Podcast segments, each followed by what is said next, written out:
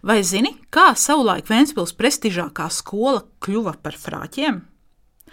Šodien Vēncpils tehnikums ir pilsētas lepnums. Tāds tas bija arī pirms gadsimta, bet vecākās paudzes atmiņās šī skola saistās ar nicinošu apzīmējumu frāķi. Kāpēc gan? Sākums tai bija tik daudz sološs. 20. gadsimta sākumā, kad visā Krievijas impērijā aizsākās aktīva komercskola un tirzniecības skola dibināšana, 1906. gadā Ventspīlī savu privāto tirzniecības skolu atvēra Nītaurē dzimušais Jānis Turausks. Būtams skolu inspektors un aktīvs sabiedriskais darbinieks, viņš ātri ieguva vietējo atzinību. Par saviem līdzekļiem atvērtā tirsniecības skola bija modernākā skola Vēnspilī, vienīgā, kur kopā mācījās zēni un meitenes, un kur samērā plaši tika apgūta latviešu valoda un literatūra.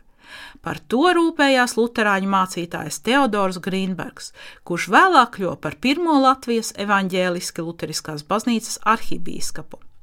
Kad īrētās telpas kļuva par šaurām, Jānis Turausks par saviem līdzekļiem uzcēla trīsstāvu namu skolas vajadzībām, tagadējā Saules ielā 15.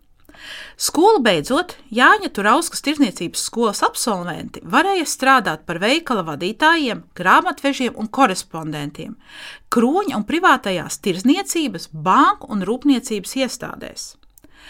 Pārmaiņas ienes Pirmais pasaules karš. Pēc kara bijušajā Turauskas skolas namā tika atvērta Vēncpils arotskola un komercskola. Kaut arī skola bija iecienīta, apmācības līmenis vairs nebija tāds kā agrāk bet padomju vara pēc otrā pasaules kara skolas prestižu iznīcināja pilnībā. Tieši šajā laikā skola ieguva nicinošo apzīmējumu frāķi. Jaunajai varai bija nepieciešami strādnieki. Tās mērķis bija plašos apmēros un pātrinātā tempā apmācīt simtiem tūkstošu jauniešu rūpnīcu vajadzībām. Lai to realizētu, arī Vēncpils pilsētas izpildu komitejai tika uzdots izveidot speciālo arotskolu 300 audzēkņiem.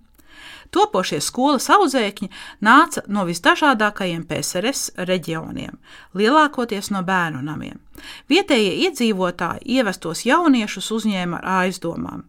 Neskatoties to, ka audzēkņi mācību laikā un ārpus tām bija stingrā skolotāja uzraudzībā, bieži notika gan zādzības, gan sadursmes ar vietējiem jauniešiem.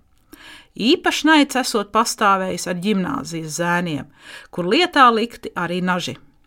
Ventspilnieku atmiņās palikuši vienādās formās tērtie jaunieši, kuri dienas laikā stingrās ierindās soļojuši audzinātāju pavadībā dziedot dziesmas Belarusija radnaja, Ukraina zalatāja bet vakaros izvicojušies ar vietējiem, lietā liekot formu ādas siksnas ar metāla sprādzēm.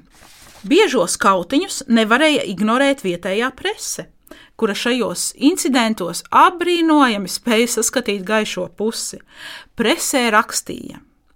Un, ja kādreiz iznāk nenovēršama plūkšanās, pat viskritiskākais vērotājs tur neredz palaidnību, bet šīs lietas īsto būtību, jaunības pārgalvību, kā arī sacensības un cīņas garu. Kaut arī apmācību kvalitāte sākot ar 1950. gadu otru pusi sāka pakāpeniski uzlaboties, vēl ilgi Vēnspilnieki skolu nicīgi dēvēja par frāķiem. Kaut arī pēc sava statusa tā nekad nav bijusi fabriku un rūpnīcu strādnieku apmācību skola, bet arotskola. Ir pagājis neviens vienu gadu desmits, līdz skola ir atguvusi agrāko prestižu un atbrīvojusies no vairāk kā pusgadsimtu vecās iesaugas.